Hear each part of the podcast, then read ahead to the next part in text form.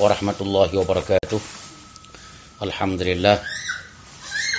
Alhamdulillahi rabbil alamin.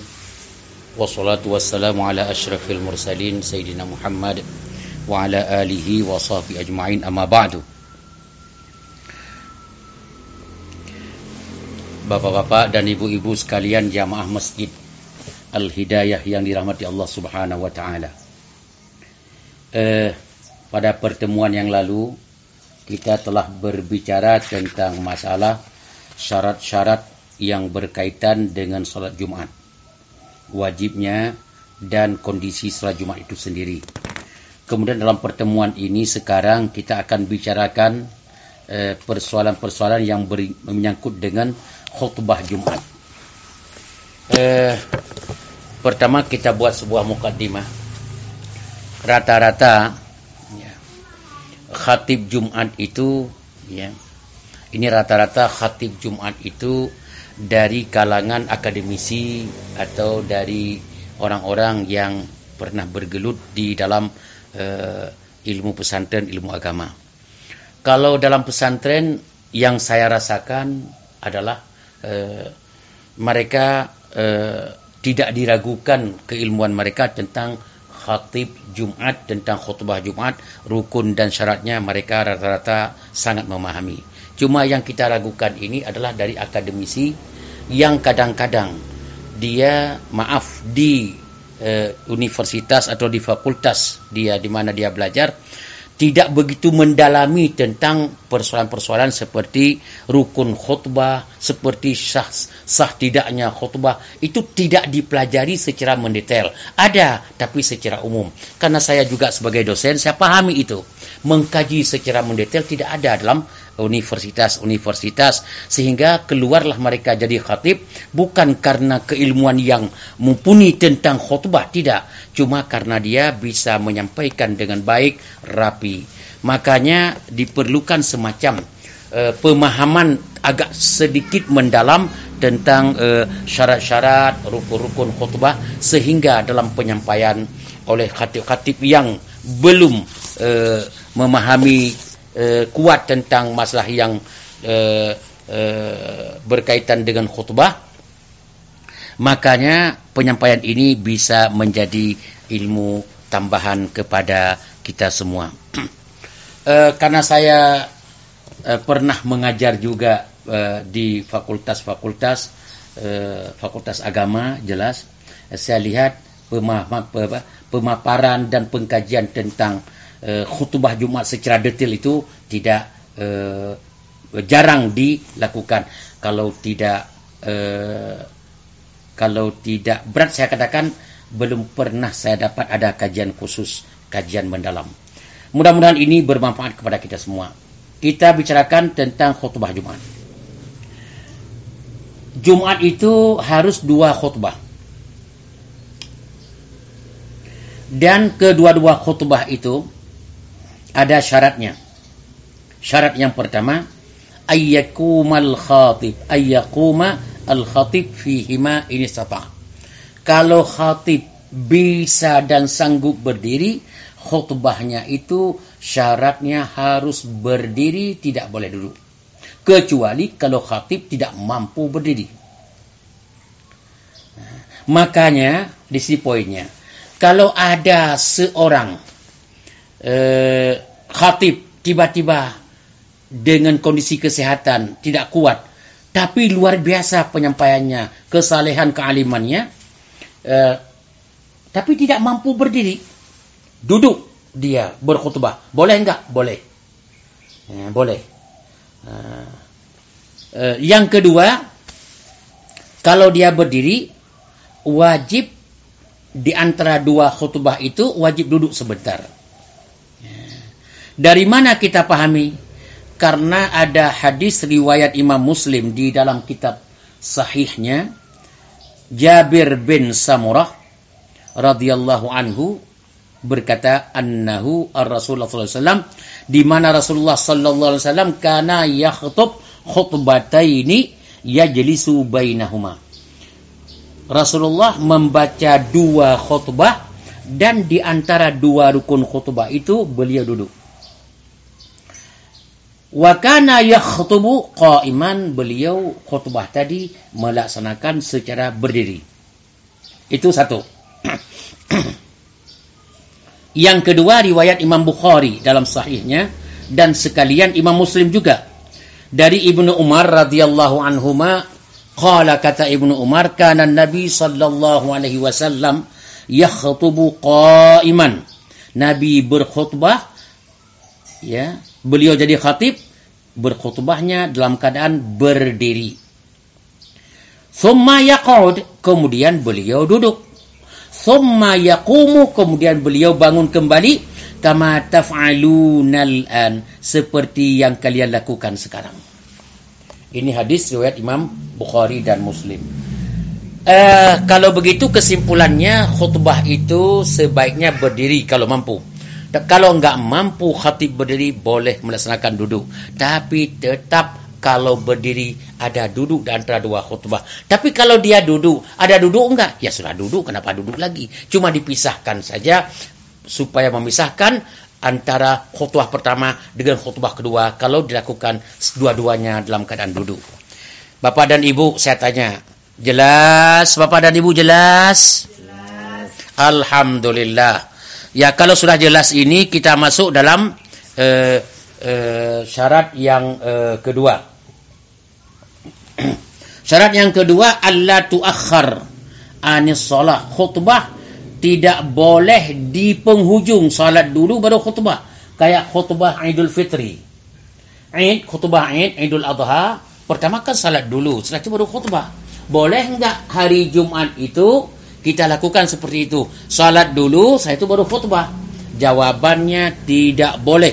Harus khutbah dulu, kemudian baru salat. Berbeda dengan salat Id, yaitu salat dulu, saya itu baru khutbah.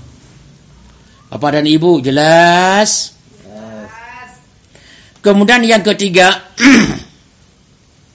Bapak dan Ibu yang dirahmati Allah, ayyakunal khatib tahiran minal hadatsainil asghar wal akbar khatib itu harus bersuci dari hadas kecil dan besar.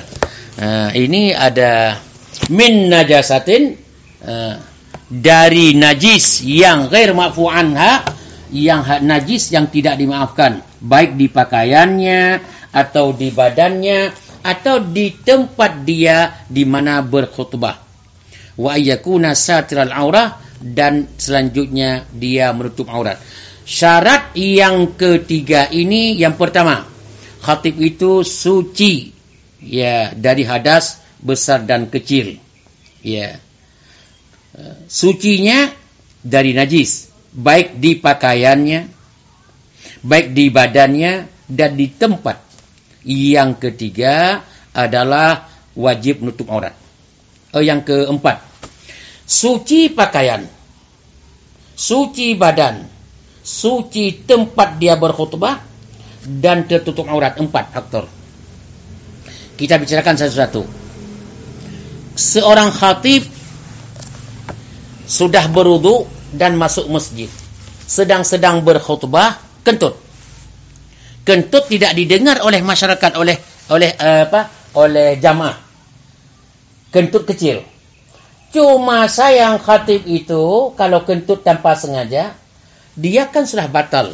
Itu tidak boleh dilanjutkan, harus berwuduk dulu. Wuduknya tempat wuduknya jauh ke sana. Mungkin uh, di luar masjid.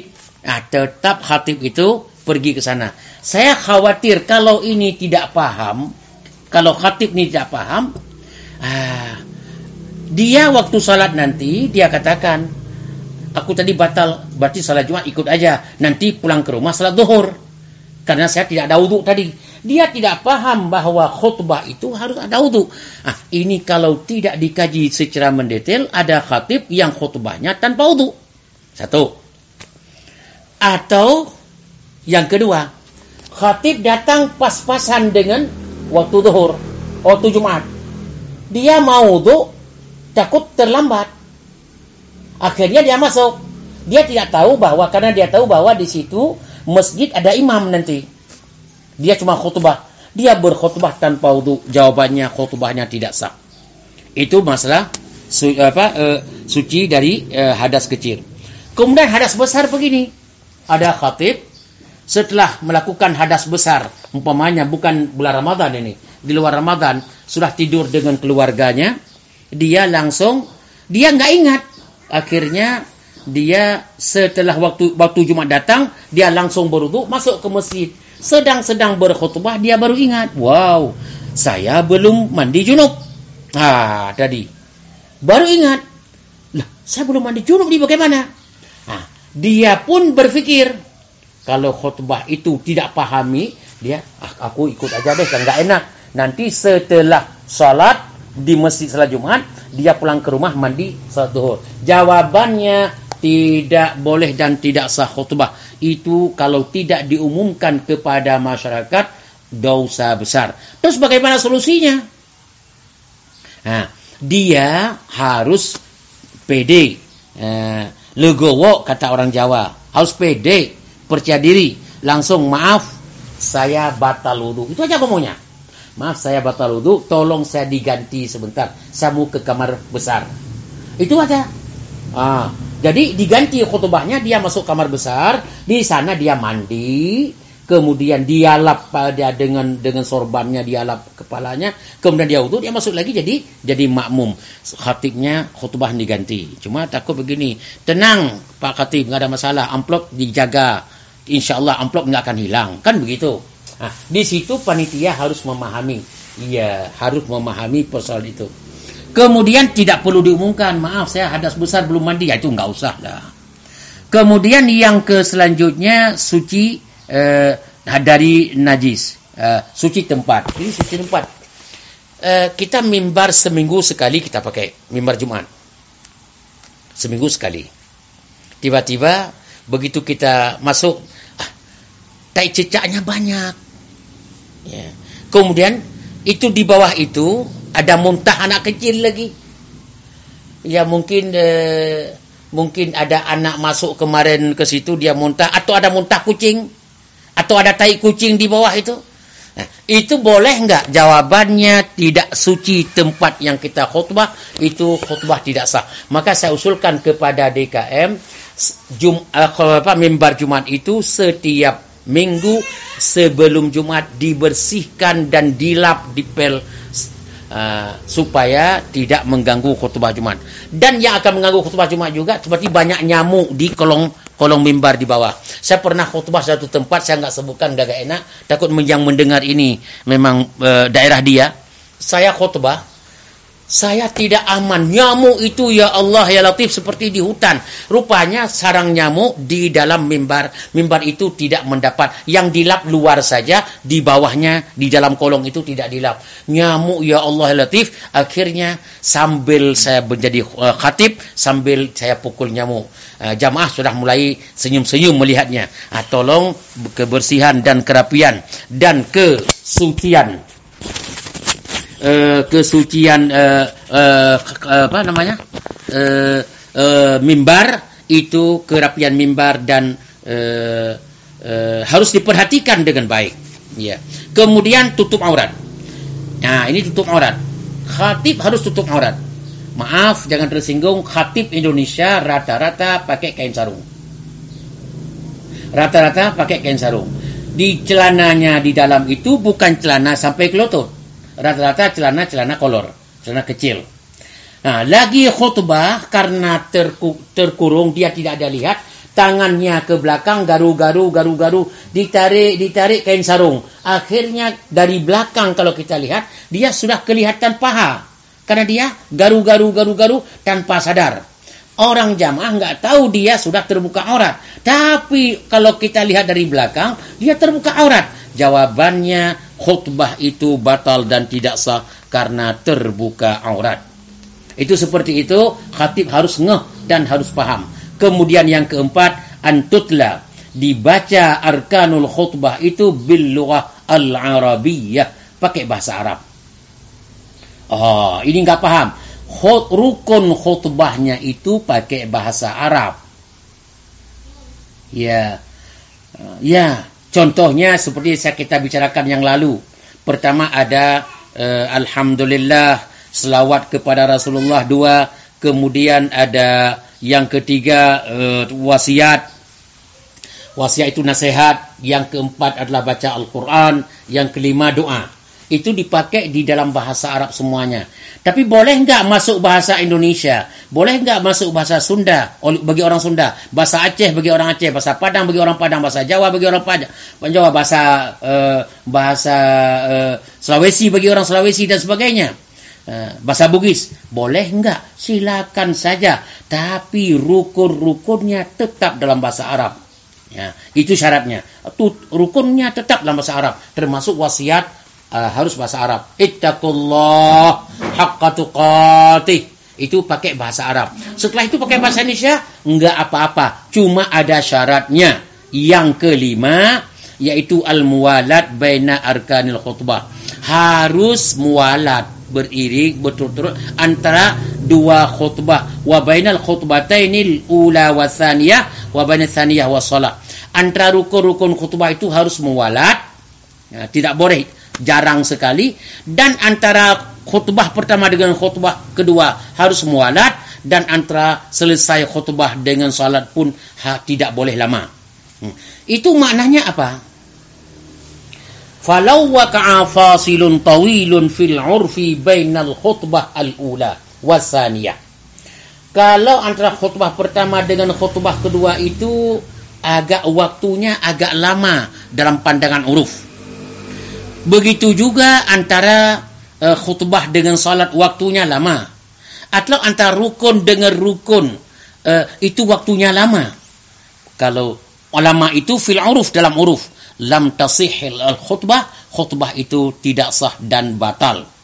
Nah, bagaimana caranya? Nah, di sini al uruf di sini uh, fasil uh, antara rukun khutbah dengan rukun khutbah yang lain tidak boleh jarang yang terlalu jauh pada uruf. Di sini uruf ini adalah tidak ditentukan oleh agama berapa menit, berapa detik, tidak ditentukan.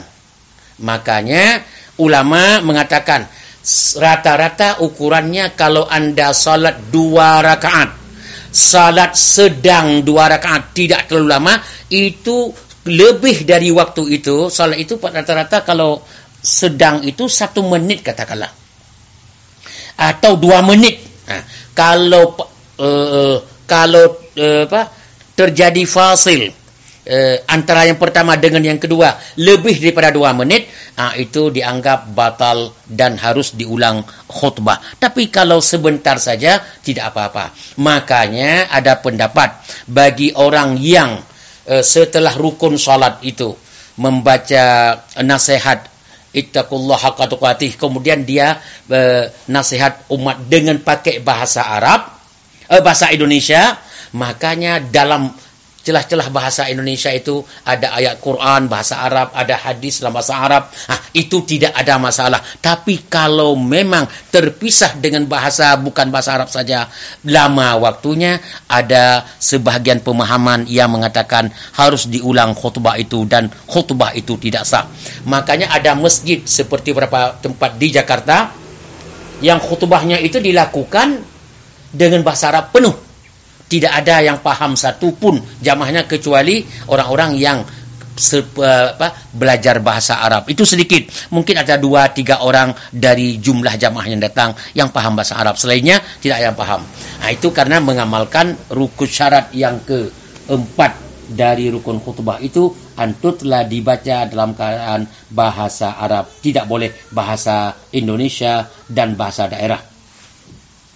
Kemudian yang kelima mualat tadi, yang keenam ayyasma arkanul khutbah arba'una uh, rajulan. Yang lain pemahaman yaitu enam rukun uh, uh, enam rukun. Enam syarat sah uh, khutbah yaitu yang terakhir harus ada 40 orang yang mendengarnya. Kalau ada orang 40 orang, cuma yang satu tidur atau lima orang ada yang tidur. Bagaimana jawabannya? Uh, dia harus mendengar khutbah 40 orang Nah, di sini yang kita pahami tidur itu kalau dia tidur dia kalau mengurangi dia tanggung jawab dengan Allah SWT kalau mengurangi 40. Tapi khatib melihat kalau memang sudah 40 orang ada ya khutbah saja meskipun ada yang tidur tidak tidur nggak ada urusan khatib. Yang penting ada orang jamaah. Jangan-jangan dia sambil merem itu sambil mendengar. Tapi ada orang sambil merem itu sambil tidur memang. Itu urusan masyarakat masing-masing, urusan jamaah masing-masing. Yang jelas dalam pendapat mazhab Syafi'i harus didengar oleh 40 orang uh, uh, jamaah yang jam Jumat itu sah untuk mereka bukan orang musafir, bukan anak kecil, tapi orang dewasa yang bukan musafir. Uh, insyaallah para hadirin, Bapak-bapak dan Ibu sekalian sudah uh, selesai. Uh, nanti kita akan kaji tentang uh, rukun khutbah satu apa, bagaimana uh, apa aplikasinya, pemahamannya. Yang kedua, rukun-rukun khutbah kita kaji secara mendetail. Uh, terima kasih, sampai ketemu di lain waktu. Mudah-mudahan apa yang disampaikan ini bermanfaat. Ada pertanyaan satu dua dari Bapak dan Ibu? Silakan. Bapak dan Ibu, silakan. Ada pertanyaan? Oh, enggak ada. Oke. Okay. Apa yang saya sampaikan itu jelas? Alhamdulillah sudah jelas. Uh, terima kasih. Nanti di lain waktu kita ketemu kembali dalam uh, dengan bahasa radionya dalam gelombang yang sama di udara yang sama. Terima kasih. Subhanakallahumma wa bihamdika asyhadu an la ilaha illa anta astaghfiruka wa atubu ilaik. Wassalamualaikum warahmatullahi wabarakatuh.